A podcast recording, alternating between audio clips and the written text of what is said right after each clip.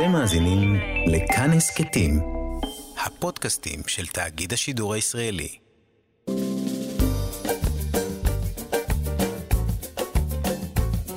שישים החדש, עם איציק יושע.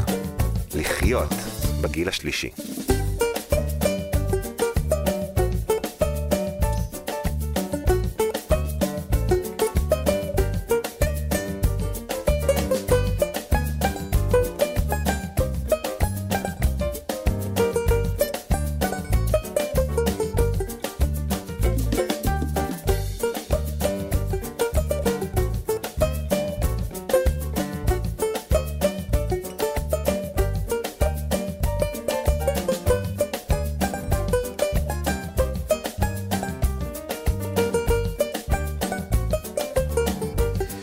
שלום, שבוע טוב לכם מאזינות ומאזיני כאן תרבות, אנחנו 60 החדש.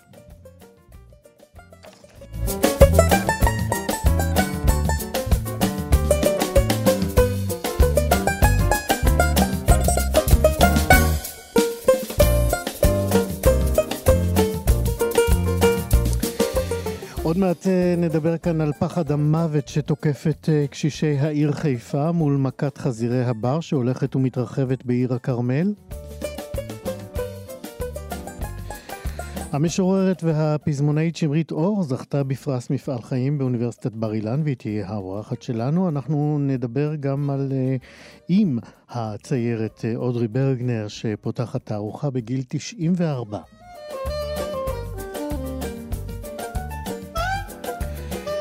ועוד נדבר על היחסים הטעונים בין אמהות מבוגרות לבנותיהן, שגם הן כבר אמהות בעצמן.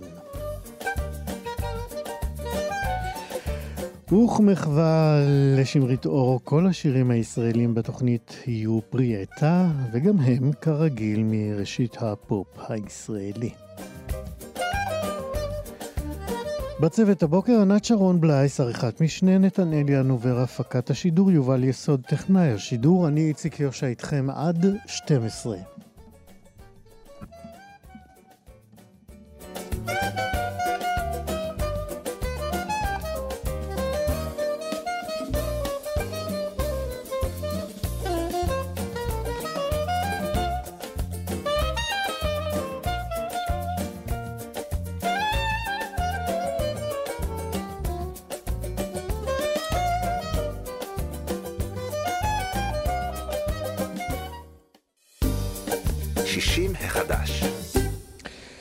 כולנו יודעים uh, כמה השנה האחרונה הייתה שנה של uh, בדידות ושל uh, ריחוק uh, חברתי, וכמה היא הייתה קשה עוד יותר עבור uh, אוכלוסיית האזרחים הוותיקים בישראל, כי בגלל הקורונה כמובן, כל יציאה מהבית הייתה עלולה להיות כרוכה בסכנת חיים.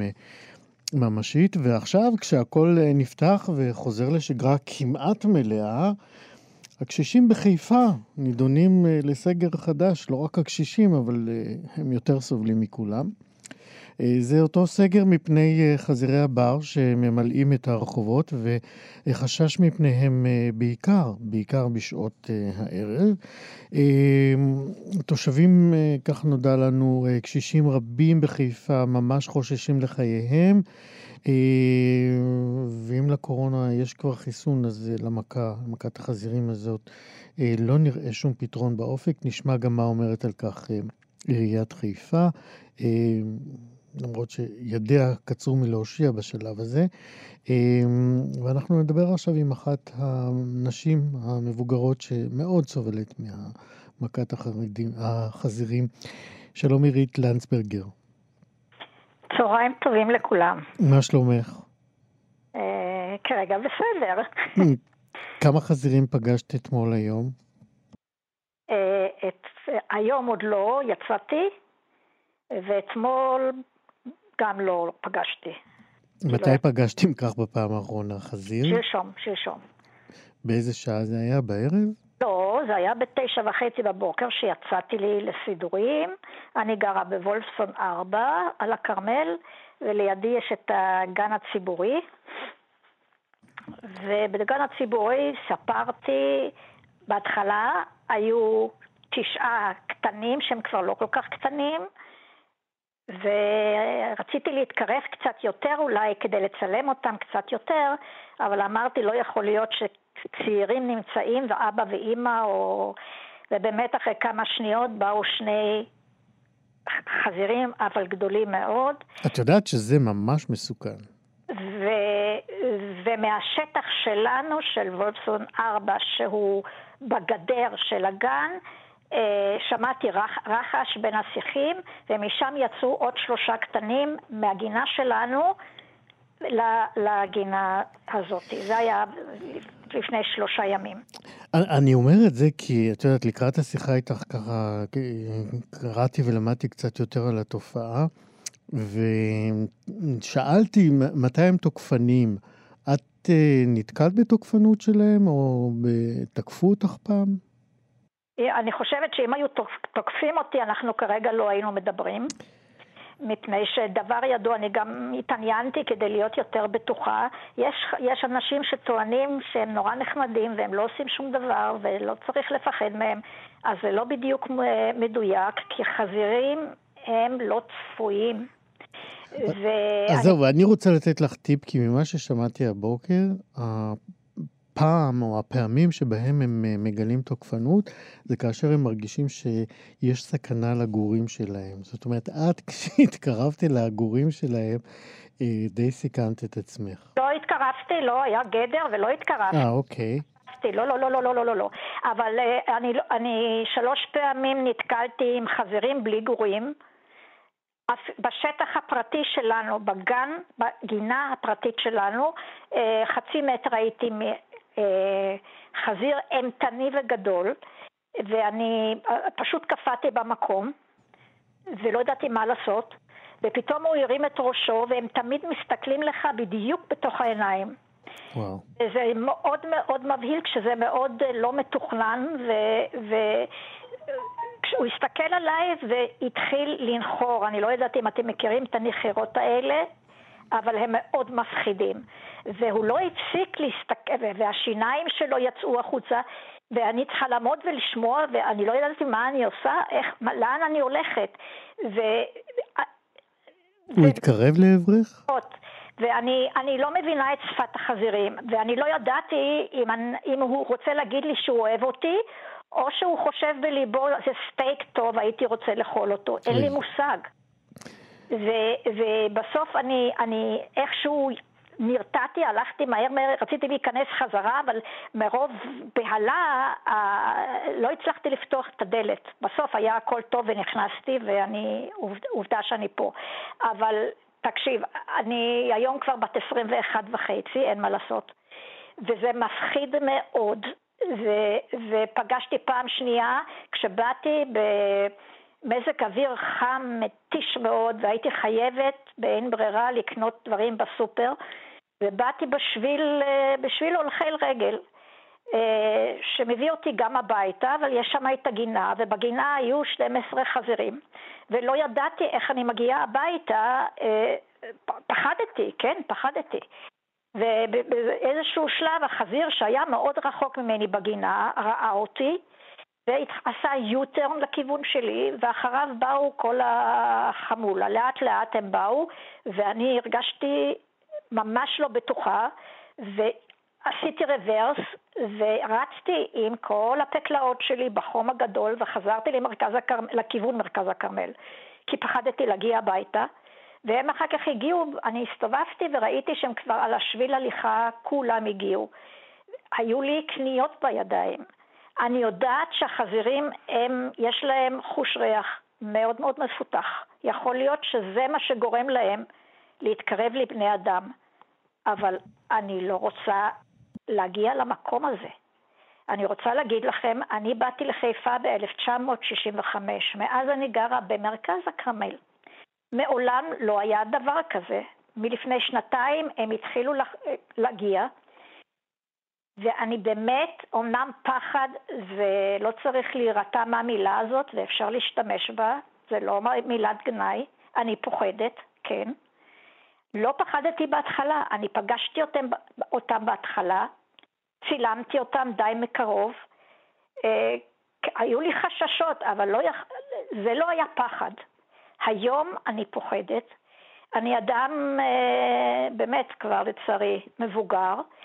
אני אדם עם המון אה, מרץ ואני חברותית, ויש לי חברים, ויש לי מינוי בסינמטק, ואני גרה חמש דקות מהסינמטק, ו- ויש הרצאות, ויש uh, uh, כל מיני פעילויות. אני לא יוצאת אחר, לפנות ערב מהבית יותר. אני סגורה, היה קודם כל שנה פלוס של סגר uh, מאוים אחר. כן. עכשיו התווספו החזירים האלה.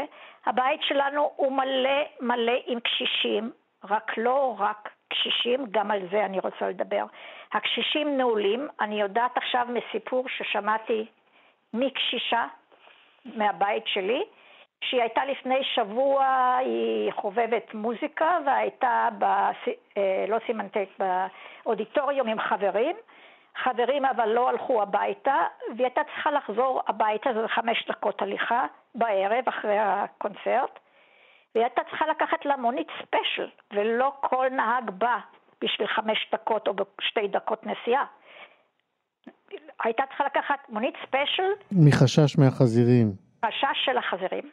עכשיו, כל הזמן מדברים על הקשישים.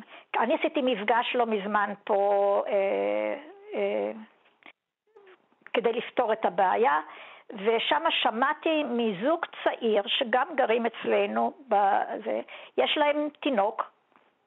זו פעם ראשונה שזוג צעיר חשף את עצמו שהם מפחדים.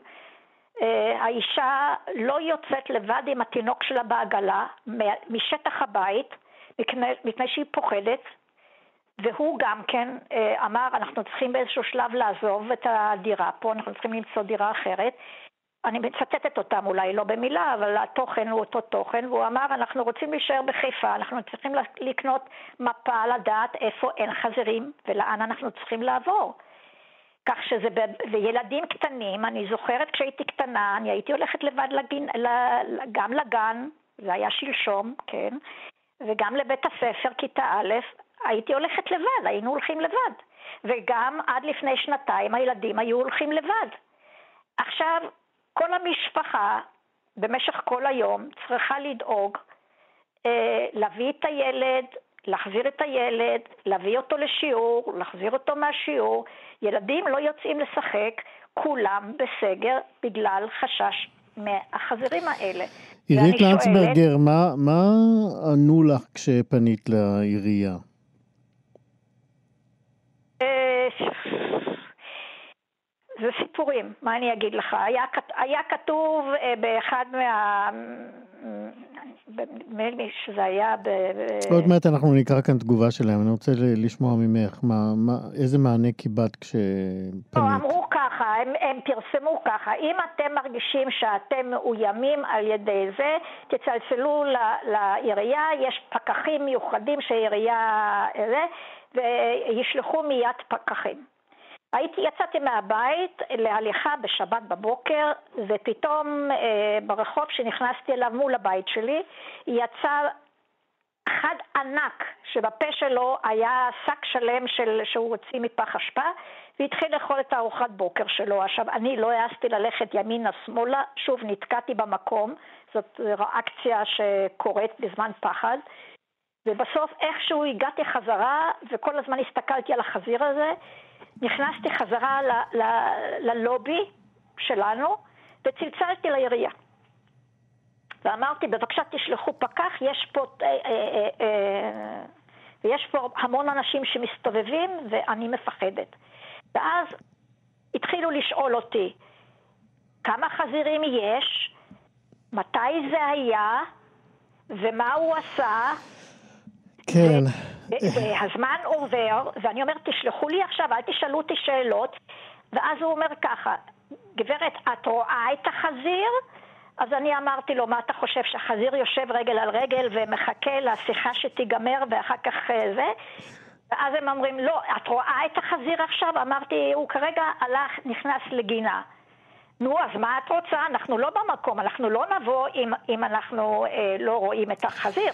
אירית לנצברגר, אני רוצה, אנחנו צריכים לצערי לסיים, אבל אני חושב שאת אה, ביטאת כאן אה, היטב את החשש שלך ושל אה, כל האזרחים הוותיקים וגם הצעירים אה, בכרמל. אנחנו ביקשנו את עיריית אה, חיפה להגיב על, אה, על אה, התופעה הזאת, והנה התגובה שהם מוסרים לנו. אנחנו יודעים שזה חוזר על עצמו, אבל אנחנו לא נרפה עד שבאמת תימצא, יימצא איזשהו פתרון לבעיה. אז כך, עיריית חיפה כותבת לנו, הדוברות פועלת בכל האמצעים המוכחים להרחקת חזירי הבר משכונות המגורים, תוך התמקדות במניעת מקורות מזון ומים המהווים גורמי משיכה עיקריים של חיות הבר לעיר. חיות הבר, כאילו זה לא רק החזירים. במסגרתה זו קובעו והוחלפו אלפי פחי אשפה, מחזור, מחזור ואשפתונים בפחים שאינם נגישים לחזירי הבר. זה לא נכון. אה, אני אומר לך מה הם עוד אומרים, הוצבו מאות מטרים של גדרות למניעת כניסת חזירי בר לגינות. הוקמה קרן עירונית המסייעת במימון גידור חצרות פרטיות. אתם קיבלתם מימון? אנחנו לא קיבלנו מימון כי יש לנו שלוש כניסות אצלנו. כן, אז הנה, אה, הם אומרים שהם נותנים מימון, אה, טוענים בעירייה גם שהוקם קו חירום עירוני המרכז פניות תושבים בנושא ועוד, כאילו שזה עוזר. אה, לצד כל אלה מבצעת העירייה פעולות, פעילות אכיפה והסברה בכל הקשור לחשיבות שמירת ניקיון. של המרחב הציבורי. בתוך כך ממשיכה העירייה לבחון כל אמצעי שיוכח כיעיל להרחקת חזירי הבר. הם בעצם אומרים אין לנו מה לעשות, אה, וכאן הם אה, מפנים אה, אצבע אל רשות הטבע והגנים בעירייה ואומרים שהרשות היא הגוף הסטטוטורי האמון והמופקד על הפיקוח על חיות הבר, לרשות הטבע הידע המקצועי והסמכות החוקית לאכיפה וכולי וכולי, אומרים זו תופעה אזורית וגם אפילו ארצית שמחייבת היערכות מערכתית כוללת. אה, אה, בקיצור, עיריית חיפה לא יודעת מה לעשות ומגלגלת שוב לרשות הטבע והגנים. נראה מה יהיה הסוף. עירית לנדסברגר, תודה רבה שדיברת איתנו, ואני מקווה שלא תיפגשי בחזיר לא נחמד. אני לא אפגש כי אני לא אצא מהבית. אני לא חושבת שזה פתרון בדיוק לאזרחים, מה שהעירייה... את צודקת, את צודקת. תודה רבה שדיברת איתנו. אוקיי, תודה. להתראות. 60 החדש. ביום חמישי האחרון התקיים אה, באוניברסיטת בר אילן אה, אירוע תחת הכותרת מי אני שיר ישראלי. הללויה ששמענו עכשיו מתחבר לכך, מיד תבינו. באירוע הזה אה, השתתפו חוקרים ורבים שעוסקים אה, בתחום המוסיקה הישראלית, ובמהלך הכינוס הזה דנו בין היתר במוסיקה הישראלית בימי הקורונה, במיזמים שעניינם זמר עברי, מוסיקה מזרחית ועוד אה, נושאים כאלה שכרוכים במוסיקה הישראלית. ובמסגרת הכינוס הזה התקיים גם מופע שבמהלכו הוענק אות מפעל חיים למשוררת ולפזמונאית שמרית אור. אין ספק שהשיר ששמענו עכשיו, הללויה, הוא השיר שפרסם אותה אה, אה, בכל העולם, אחרי שזכה בתחרות האירוויזיון ב-1979, ומאז, כולנו יודעים, השיר זכה באלפי ביצועים של זמרות וזמרים אה, בכל אה, העולם, אבל מעבר להללויה, שמרית אור, היא משוררת ופזמונאית מהמשובחות ביותר שאנחנו הכרנו כאן בישראל, וכבת אה, למשורר, יעקב אורלנד, אפשר לומר ששמרית היא נסיכה בזמר העברי בזכות עצמה ובזכות השירים הנהדרים שלה שממלאים את הפסקול של המוסיקה הישראלית. אנחנו נזכיר רק כמה מהלהיטים, חוץ מההללויה ששמענו עכשיו, הלהיטים הגדולים שלה עד היום זה שירי עונה של נתנאלה ואצלי הכל בסדר של בועז שרבי וגלגל ענק של חלב ודבש ועוד עשרות להיטים שהיא כתבה למיטב הזמרים והזמרות וההרכבים. בישראל, ולכן עכשיו אני מאוד מאוד שמח לומר שלום ובוקר טוב לשמרית אור. בוקר נהדר. בהחלט. תגידי רגע, מפעל חיים, זה, זה, זה אירוע שבו ככה מתרווחים בכורסה ומתענגים, או מתיישבים ומתכננים את הפרויקט הבא? תראה, אני לא תכננתי גם את הפרויקט הזה. תכננו לך. תכננו לי. וכן, בהחלט, בהחלט רגע מרגש, מכבד, ומאשר שבאמת אה, השירים שלי כבר הפכו לשירים שלכם, מזמן. שלנו, של כולנו, נכון. אני, של אני מנסה, כולנו. כן, אני רוצה להחזיר אותך אולי לשיר הראשון שלך. מה הוא היה? השיר הראשון, ללא ספק, היה סתיו, שיר שכתבתי אה, כשהייתי בת 18 בקושי, בבית צבי, שם הכרתי את אה, שלום חנוך הצעיר, ממני בשנה, שהגיע ממשמרות, וגילינו אחד את השני, הבנו שכל אחד מאיתנו יש לו אהבה נוספת לאהבת התיאטרון שלשמה באנו לבית צבי. אני כתבתי מילים, שלום אז בעיקר הלחין. אה, עם, עם השנים, תודה לאל שהוא התחיל גם לכתוב, הוא נתן לנו ליהנות מכל הכישרונות שלו. וזה היה השיר הראשון, באותו, באותם ימים היה צמד מאוד ידוע שקראו להם חדווה ודוד. איכשהו השיר הזה התגלגל לידיהם, ופתאום היה לנו, לצעירים שכמונו, שיר ברדיו. אה, האמת היא שזאת למעשה, בדיעבד הבנתי, הייתה התפנית בתוכי, שהבנתי שאני יכולה להיות בת של משורר, ואני לא חייבת להיות משוררת. אני יכולה לכתוב מילים למנגינות. שזאת כתיבה אחרת? זאת כתיבה אחרת, ללא ספק. אה? בפרט, תראה, הרבה מאוד מהשירים שאנחנו מדברים עליהם היום, הם שירים שנכתבו ללחן על ידי. זאת אומרת, לא כתבתי שיר ונתתי להלחין, אלא קיבלתי מנגינות וכתבתי להן מילים. יש טכניקות, ויש טכניקות, יש מוזיקה למילים, יש קצב, יש מסגרת, זה לא כל כך פשוט. אז קחי אותנו רגע לחדר העבודה שלך. את מקבלת אה, לחן של... תבחרי את אחד מעשרות, אה, אם לא יותר, הלהיטים שלך. אוקיי, מה זה היה? אה, דווקא את מתי. הראשון היה ציפורים בראש. מפסטיבל הזמר. אה, לפסטיבל הזמר, הוא הגיע, זה היה אחרי צבא, בחור צעיר ומטולטל, ואמרתי לו, אני רוצה לשמוע מה אתה עושה. כי הוא אמר לי, אני רוצה לשלוח איתך שיר לפסטיבל הזמר, ו... והוקסמתי מיד. זאת אומרת, האצבעות שלו באמת אה, שפכו זהב. ו... ושוב, ולא שוב, זאת הייתה מנגינה שאליה הייתי צריכה לחבר מילים. אותו דבר היה עם צרות טובות. רגע, מה, מה, מה הוא אמר. לך על הלחן? את רצית לדעת משהו על לא הנסיבות כלום. של אה, כתיבת הלחן? אה, משהו לא. שמתי היה לו להגיד על השיר? פשוט אמר, קחי את המנגינת, אה, שבי וכתבי מילים? לגמרי, הכתיבה, אחד הדברים שלמדתי להבין תוך כדי מהלך זה שאני רוצה את חופש הפעולה המוחלט, כדי שבאמת המוזה ת- תגיע אליי בלי תיווכים, אלא שלאן שהלחן לוקח אותי, לשם אני אלך, ועל על זה אני אכתוב. אז לאן לקח אותך אה, ציפורים בראש בשנייה הראשונה? תראה, גם הייתי מאוד צעירה עדיין. אה, משהו מאוד תמים היה בשיר הזה. אמ, וציפורים בראש, אני, אני לא יכולה להסביר למה, אבל הפכתי אותם באמת ל... אנחנו אומרים, יש לו ציפורים בראש, אנחנו מתכוונים בדרך כלל ל-state of mind, למצב, למצב רוח, לטיפ, למה שיש לך בראש. ואני הפכתי אותן לציפורים חיות. כן. קחי אותנו גם לסיפור של אה, צרות טובות. צרות טובות. עברתי, אחרי שסיימנו את בית צבי, אני עברתי לתיאטרון הקאמרי. רק נגיד שכתבת את. זה לשלושרים. כן, כן, אני אגיד.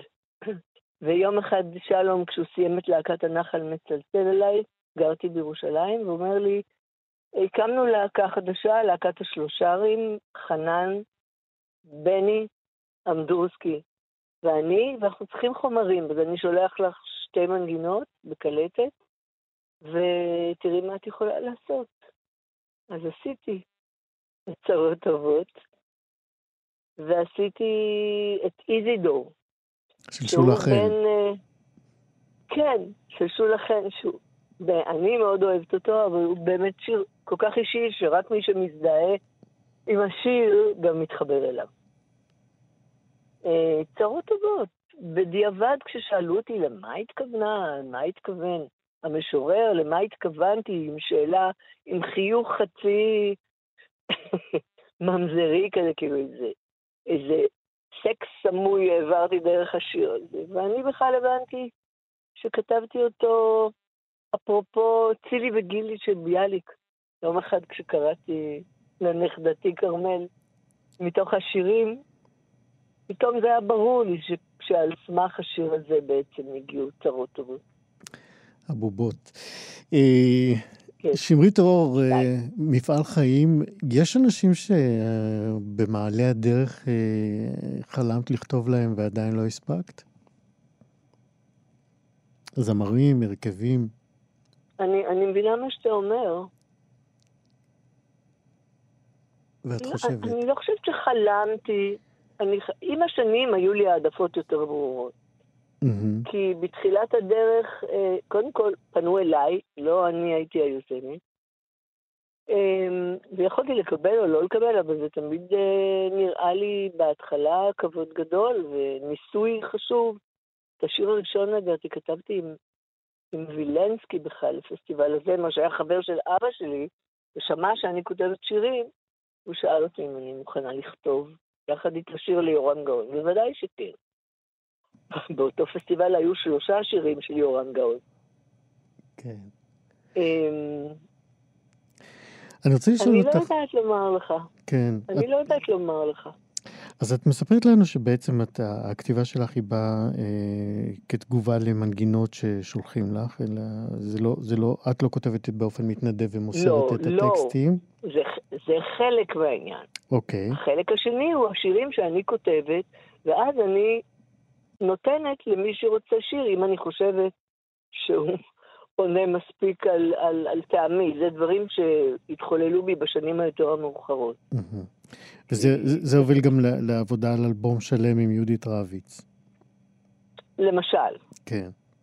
כן, בהחלט כן. אלה היו שירים שלא נתתי לאחרים. אלה גם היו שירים שכתבתי במיוחד לאלבום הזה.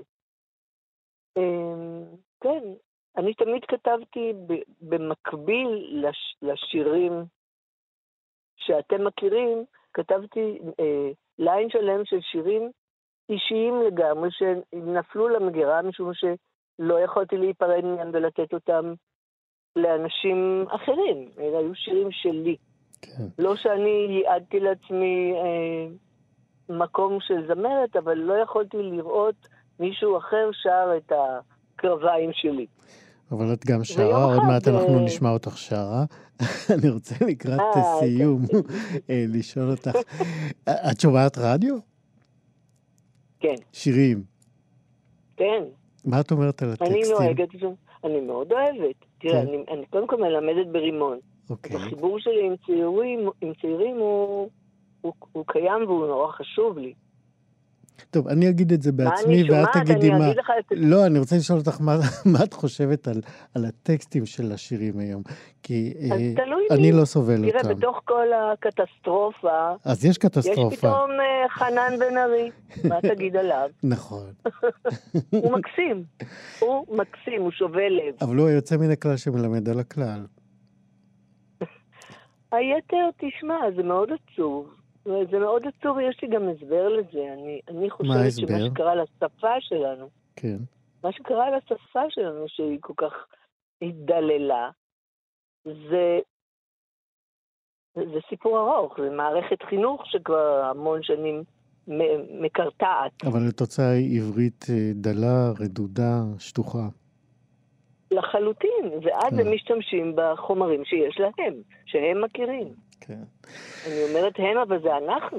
זה לא אנחנו, לא כן, זה מי שמאזין, מי שמאזין ולא כן. מתרחק. שמרית אור, לקראת כן. uh, סיום השיחה, אבל uh, לכבוד uh, אות מפעל החיים שקיבלת, ביקשתי ממך לבחור שיר לסיום השיחה שלנו, ובחרת את הגרסה שלך עם רמי הראל לשיר שאת כתבת, ואולי אותה שתיקה. בועז שראבי, נכון הלחן? נכון, נכון מאוד. ספרי לנו על הנסיבות שבחרת את לשיר. אני בחרתי לשיר את השיר ביום שנפל לי, זה שיר שכתבנו נורית הירש ואני ליורם גאון, לכבוד אה, ראש השנה, לדעתי, ברשת א' פעם. ויש לנו, היה לנו מין מופע כזה שהסתובב אה, בארץ, של, שנקרא שני שושנים, שירים של אבי, יעקב אורלנד אמרתי בועז שרעבי, זה, זה, זה יורם גאון שר את זה. זה טעות. כן, כן, כן. כן, כן, זה יורם גאון. אני לא יודע מה עבר עליי. וזה נורית כן. הירש הלחינה. כן. זהו, זה היה אמור להיות לבועז, זה לא במקרה טעית. נכון, נכון, זהו. בסופו של דבר זה לא נכנס לאלבום שלו. אה, אני אקצר, אני רק אומר שיום אחד, אני, אהובי, בעלי, זיכרונו לברכה, שהלך לו לעולמו לפני כן. שנה, יוסי שלנו, היה בדיעבד, בדיעבד גדול, אחרי 26 שנים, הוכר כהלום קרב. שנים ארוכות היינו משפחה הלומת קרב שלא ידעה את ההגדרה שלה. ופתאום הבנתי שהשיר הזה הוא שיר שבא מנבחי תת-ההכרה שלי, והוא שיר עלינו, עליו ועליי. ואותו אני רוצה להשמיע. אז הנה, לסיום uh, השיחה הזאת, שמרית אור, uh, בעקבות uh, פרס אות מפעל חיים שקיבלת, אין ראויה וטובה לאות הזה ממך. תודה רבה שדיברת איתנו. הנה את כאן עם רמי הראל ואולי אותה שתיקה. להתראות. תודה, איציק, להתראות. להתראות. איציק יושע היקר. ביי. ביי ביי. להתראות. 60 החדש. לא בכל יום אה, נפתחת אה, תערוכה לציירת בת 94. אודרי ברגנר אבל זכתה לכך ב-26 ביוני ולמשך אה, שלושה ימים. תוצג תערוכה מיצירותיה בבית האומנים בתל אביב. בתערוכה הזאת מוצגות עבודות בפורמט קטן, ציורים בצבעי מים ורישומים מתוך ספרי סקיצות או ממגרות השידה בסטודיו, שמאפשרות ככה הצצה אל אה, מאחורי הקלעים של אה, עבודתה האומנותית של אה, אודרי ברגנר. בנוסף לעבודותיה כציירת, נזכיר שהיא גם עיצבה הרבה מאוד תפאורה ותלבושות לתיאטרון. אודרי היא אלמנתו של יוסל ברגנר, שהוא ללא ספק אחד מגדולי הציירים היהודים הישראלים, ואודרי היא האורחת שלנו עכשיו. שלום, אודרי ברגנר. הלו. שלום, מה שלומך? בסדר, זקנה, זה הכל. נגיד גם שלום לעירית לוין שהיא... אני לא שומעת אותך. אנחנו מיד יובל ינסה אה, להגביר. אה, אנחנו נגיד גם שלום אה, לעירית לוין, עוצרת התערוכה שלך. שלום עירית. בוקר טוב. בוקר טוב. אודרי, אני רוצה להגיד לך, את שומעת אותי עכשיו? אודרי? כן. שומעת אותי? כן. אני לא שומעת אותך טוב. אני אנסה בכל זאת, אנחנו לא גם טוב. ננסה כאן. אה, עירית, אולי בינתיים, אה, עד שאנחנו ננסה לעשות משהו עם הקו של אודרי, תספרי לנו את אה, קצת על, על העבודות של אודרי ועל הבחירה בהן. אוקיי, okay, אז uh, התערוכה של אודרי uh, היא תערוכה uh, שתתקיים בבית האומנים בתל אביב. Uh, היא תיפתח ב-26 לחודש, היא תימשך שלושה ימים. זה אירוע אומנות בעצם לכבוד יום ההולדתה ה-94 של אודרי. בת כמה אני? 94? לא גילו לך אודרי. אבל הלוואי שנעשה את זה עוד פעם השנה הבאה. אז אה, התערוכה היא בעצם תערוכת מחווה לאודרי, שאנחנו עבדנו ביחד הרבה מאוד שנים, עובדות ביחד, אה, הצגתי עבודות שלה הרבה מאוד בהקשרים של תיאטרון, יחד עם העבודות של יוסל ועבודות של שלמה ויטקי, אה, בתערוכות של ניסי, תערוכה שעסקה במחוזות הציור של אה, ניסים אלוני, אה, שאודרי עבדה איתו באמת בצורה צמודה. אז אולי אודרי ננסה ככה, אם את שומעת אותנו, ספרי קצת על העבודה עם ניסים אלוני, שהוא מגדולי המחזאים שלנו. איך היה לעבוד עם ניסים? איך מה? היה לעבוד עם ניסים. אה, עם ניסים זה היה קשה מאוד. כולם מחשבים ככה, אני חושבת, אני יכולה להגיד את זה. אבל הוא היה נהדר לעבוד איתו בכל זאת. הוא, זה היה מעניין וזה, ואני אני חושבת שהוא הרגיש קצת שאני מבינה מה הוא רוצה, וכמעט כל העולם לא, לא הבין מה, מה הוא רוצה. ואנחנו היינו חברים חובים, טובים. הם, יוסף וניסים היו חברים מאוד קרובים. כן, בהקדמה לספר שלך, אה, ניסים כתב שאודרי יודעת יותר מכל איש אחר שהוא מכיר להתהלך עם חתולים וכלבים, לקרוא בשמות סיפורים ולזהות פרחים ועצים. אה, כן, חתולים כן, גם רואים, גם. רואים את האהבה שלך לטבע ולחיות גם בעבודות שלך. כן, כן, בטח. תיארתי כל מיני אה, חיות, אני חושבת, גם מה... מה... בשוויץ, באירופה, באנגליה. נסעתי ותיארתי, אה, רשמתי בעצם כן. חיות בכל מיני מקומות. הייתה תקופה גם שאחרי מות אמך נסעת לארץ. אני לא שומעת אותך. אני אומר, אה, אחרי מות אמך נסעת לאנגליה לבקר את אביך, אה, ואז גם ציירת אותו. מה? כן, כן, כן. כן, עוד... אה, ספרי לנו קצת את הציורים של אבא. ההורים שלי היו באוסטרליה, אני נולדתי באוסטרליה, וההורים, אחרי שאני uh, ברחתי עם יוסל, והתחלתי לגור בישראל, הם באו עם לוקאן, הם לא יכולו, זה היה להם קשה כאן המזג האוויר, אז הם, הם נסעו לאנגליה. הם גם לא היו כל כך קשורים... ואני ביחדתי אותם באנגליה. כן, הם גם לא היו כל כך קשורים לארץ, נאמר שאת בת להורים לא יהודים, אבל דוברת יידיש שוטפת. יידיש אני שמע, יידיש אני למדתי מאבא של יופל, שהוא היה סופר יידיש. מלך רביץ'. כן.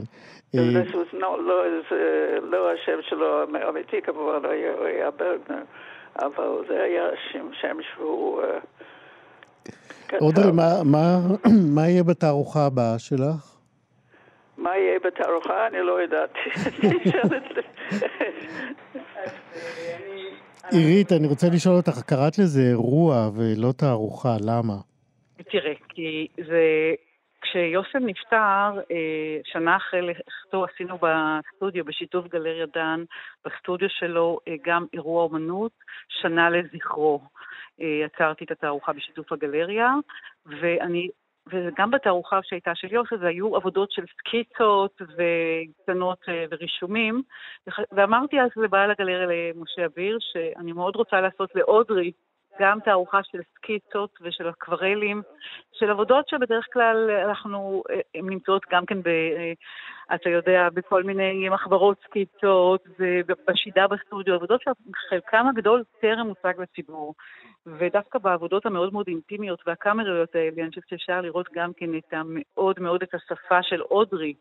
שבאמת הייתה כל כך מגוונת וכל כך uh, בעלת תווים מאוד מאוד אישיים. נפלא, אז uh, מעולה. אז נזמין את המאזינים שלנו ב-26 ביוני, נכון? נכון, ב-26 ליוני, uh, בשעה שבע וחצי בערב, מתחילה התערוכה. היא תימשך עד יום, יום, יומיים נוספים, שלושה ימים.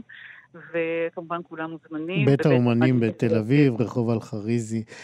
אודרי ברגנר, עירית לוין, תודה רבה לשתיכן ובהצלחה בתערוכות הבאות. תודה רבה. להתראות. 60 החדש. על האורחת הבאה שלי אני מבקש לעשות איזשהו גילוי נאות. הוא קצת משונה, אבל אני אעשה אותו בכל זאת. את מרים קוץ הכרתי כעורכת מאוד מוערכת במהלך עבודתי בעיתון ידיעות אחרונות במהלך אה, שנות התשעים. אה, היא ואני מעולם לא החלפנו יותר ממילים ספורות, וגם אלה, כשהם היו, הם אה, קרו באופן די נדיר.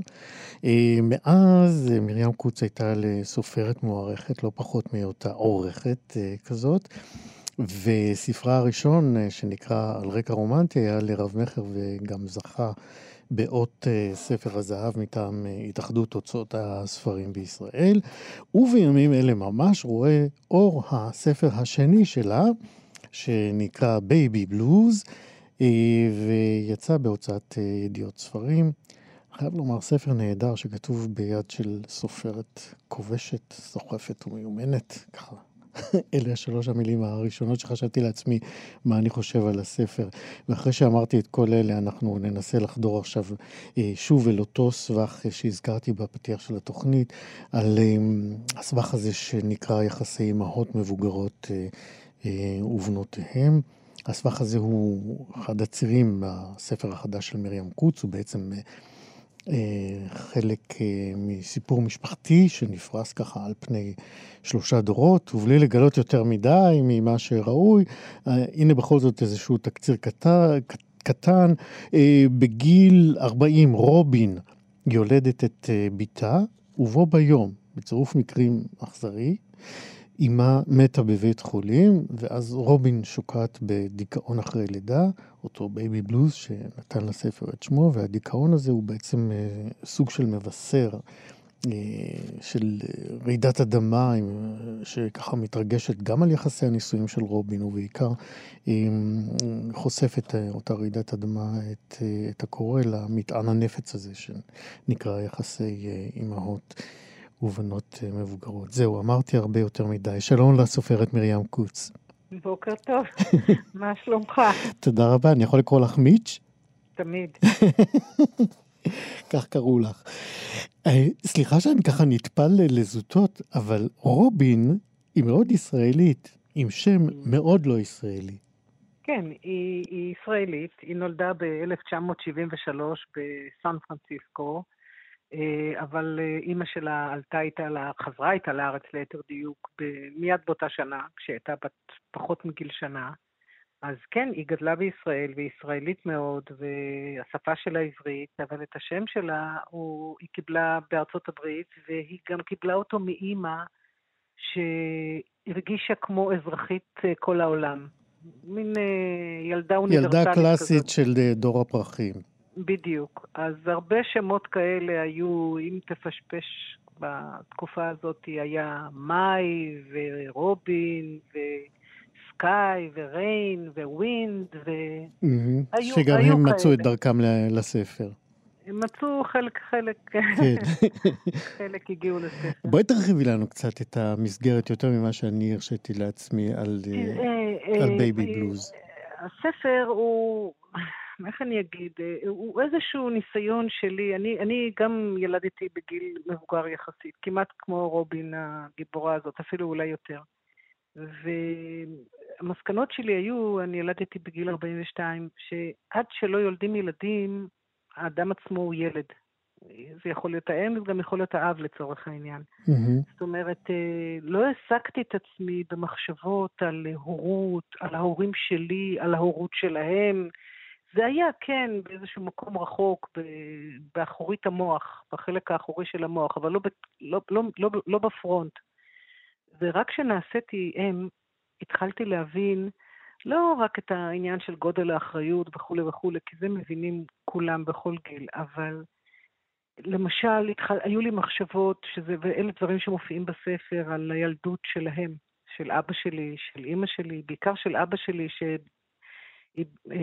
בגיל צעיר מאוד, 16 או 17, נאלץ לברוח לרוסיה עם אחותו שהייתה בת 19, והם השאירו מאחור משפחה שהם לא ראו יותר מעולם, שמתו בנסיבות אכזריות שאפילו לא הובהרו עד הסוף. אני רוצה כן. שנחזור בכל זאת ליחסים אה, של רובין עם אימא שלה, מיכל, נכון? כן. כן. הם, אה, הם יחסים מורכבים מאוד. שבעצם הסיפור היחסים האלה מתו... אה, נחשף לקוראים בעקבות אה, סדרת מכתבים שהאימא מבקשת או מפנה את רובין אליהם. כן, ספרי על הנסיבות ועל ה... היא, על, היא, על היא, מה, מה שמתגלה לרובין. רובין יודעת אה, שבגיל שמונה אימא שלה נסעה להודו אה, כדי להמשיך את החיפוש העצמי שלה, והשאירה אותה עם הסבא והסבתא. זה, זאת הביוגרפיה שלה, ככה היא גדלה. כן, זאת פרקטיקה, אה, אגב, שהייתה ידועה בשנות ה-50 וה-60 בארץ, אה, לא מובנת, אבל הייתה. היא כן, אנשים השאירו ילדים בקיבוצים, אנשים השאירו ילדים אצל סבא וסבתא, אנשים השאירו ילדים בבתי ילדים, אנשים השאירו ילדים בכל מיני מקומות. אנחנו שמענו על, הסרט. על הסרט של שושנה דמארי, שגם כן השאירה את ביתה ונסעה כן, לקריירה אה, בעולם. אה, כן. בדיוק, בנסיבות שונות ומשונות זה היה נחשב, אה, אנשים נישאו מחדש למשל, ואת הילד מהנישואים הקודמים שמו בקיבוץ. היו דברים כאלה. מוזרים, מטורפים נשמעים לנו היום, אבל הם היו. כן. אני מכירה אנשים כאלה. כמה באמת, אז... יש לנו זמן נורא נורא קצר, כמה באמת אה, אה, רובין אה, מייצרת איזשהו פיוס או הבנה ל, ל, ל, ל, לפער הגדול בין האימא המורדת בת הפרחים לבין היא שבעצם רצתה רק להיות ככל האדם. זה התהליך הגדול שהיא עוברת בספר, שהיא לאט לאט מגלה שהכוחות שלה לחיות, לחפש, להתמודד, להיות אימא טובה לתינוקת שלה, אה, לבחור נכון אה, אם היא רוצה להיות נשואה או לא להיות נשואה, ולמה, את כל הכוחות האלה היא שואבת בעצם מאותו, מאותם מסרים לא עדריים, אני קוראת לזה, שהיא קיבלה דווקא מאימא שלה, מאותה אימא שהשאירה אותה, שאולי נטשה אותה, ש... ש...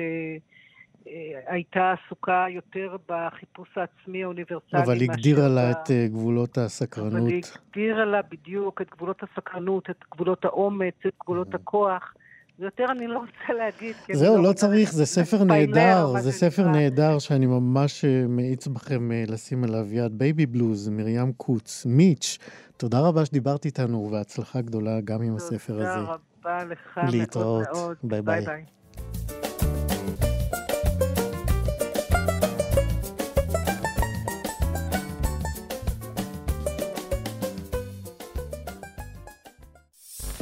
אתם מאזינים לכאן הסכתים, הפודקאסטים של תאגיד השידור הישראלי.